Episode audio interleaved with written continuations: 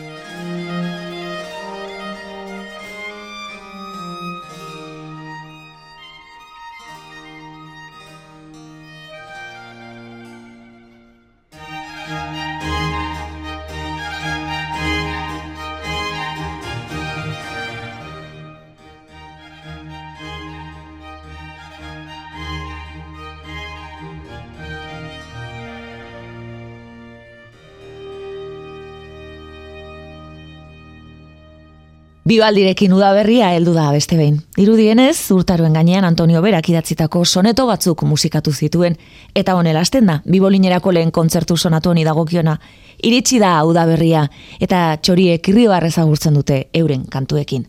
Poeta baino musikari hobea zela esaten da, baina ideia txalogarri horri esker, musika zoragarri honezaz gozatzen dugu, berdin du zeila betean gauden. Gaur Rinaldo Alessandriniren kontzerto italiano taldeari esker bibaldin espezializatu dira, eta Veneziako kompositorearen opera naiz kontzertu guztiak biltzen joan dira. Irureun urte baino gehiagoan jogabeak oietako batzu. Klasikoak eiteben.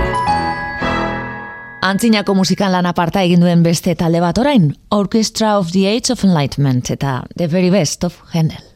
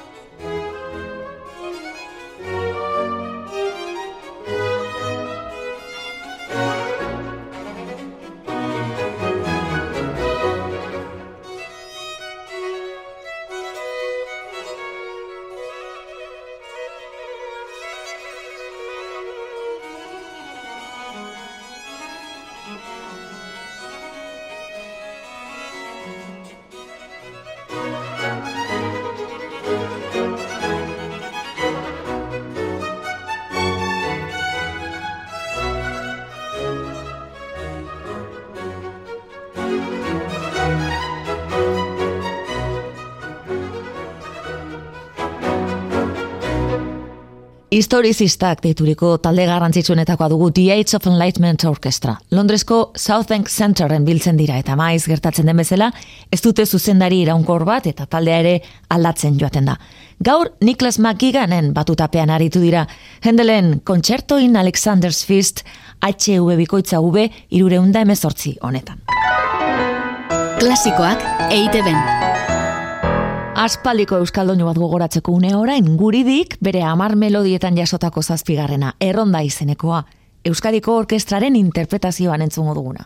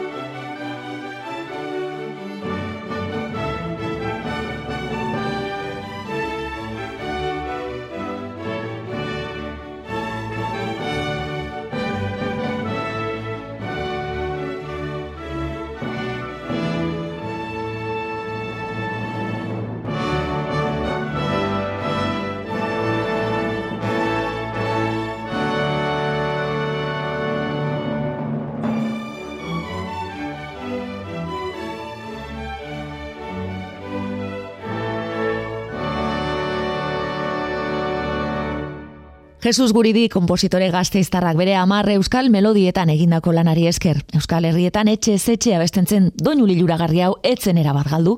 2000 eta emezortzian bestalde, igelaren banda taldeak hitza eta guzti jaso zuen eta jakin genuen gabon kanta dela. Ur berri urte berri diskoan Mikel Urdangarinek abesten du klarinaren, organoaren eta musika kontzertaduaren aipamenak eginez. Klasikoak EITB. Guretzat hain berezia den guri diren melodia horren ondoren, putxiniren aria sonatunetako bat. O mio babino karo, o nere aitatxo maitea, ananetrepko sopranoaren abots miresgarrian.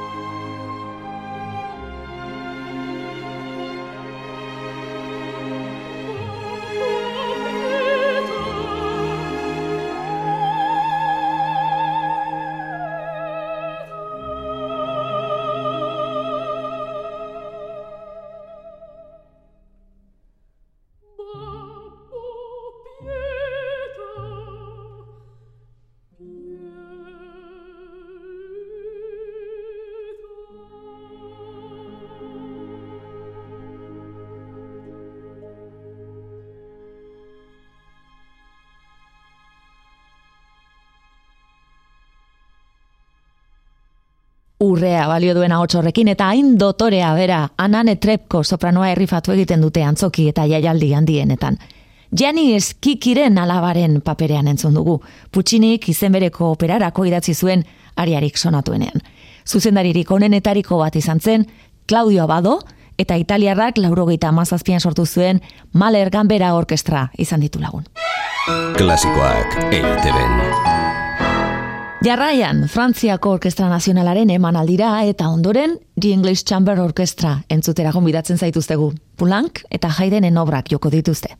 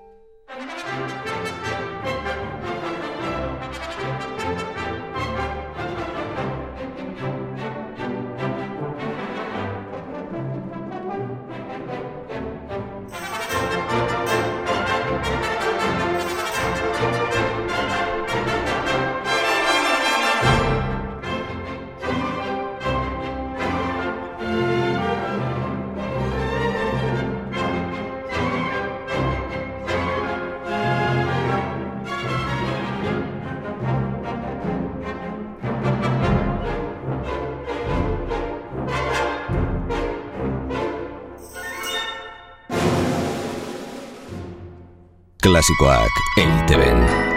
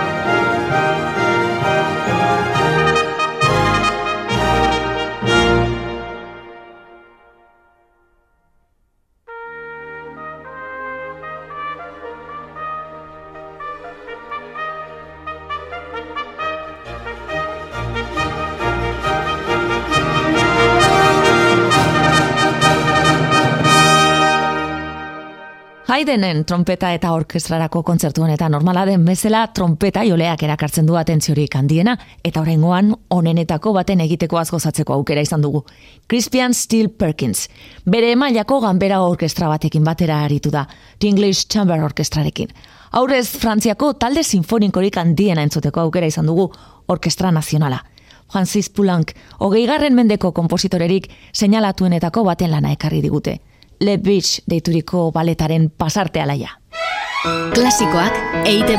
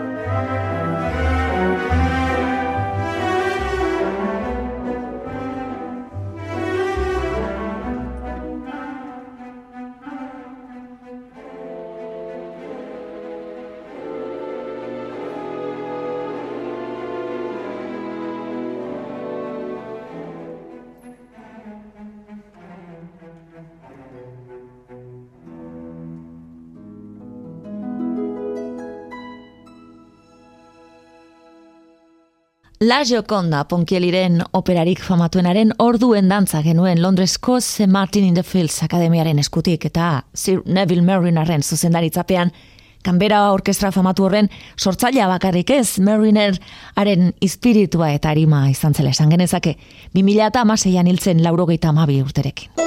Klasikoak EITB-en. Italia, Ingalaterra, Frantzia eta Alemaniako konpositoreak izan ditugu Euskal Ordezkari bat ere bai, Jesus Guridi, eta Kataluniako musikagile bat hartuko dugu bikaina aurreko guztiak bezalaxe, Francisco Tarrega. Gitarista izugarria izan zen eta bere obra nagusiaren zatitxo ikaragarri bat gogoratuko dugu. Alambrako oroitzapenetan murgilduko gaitu, aparteko talentua eta gustua erakutsiz, Txinako Xuefei Yang gitarra joleak.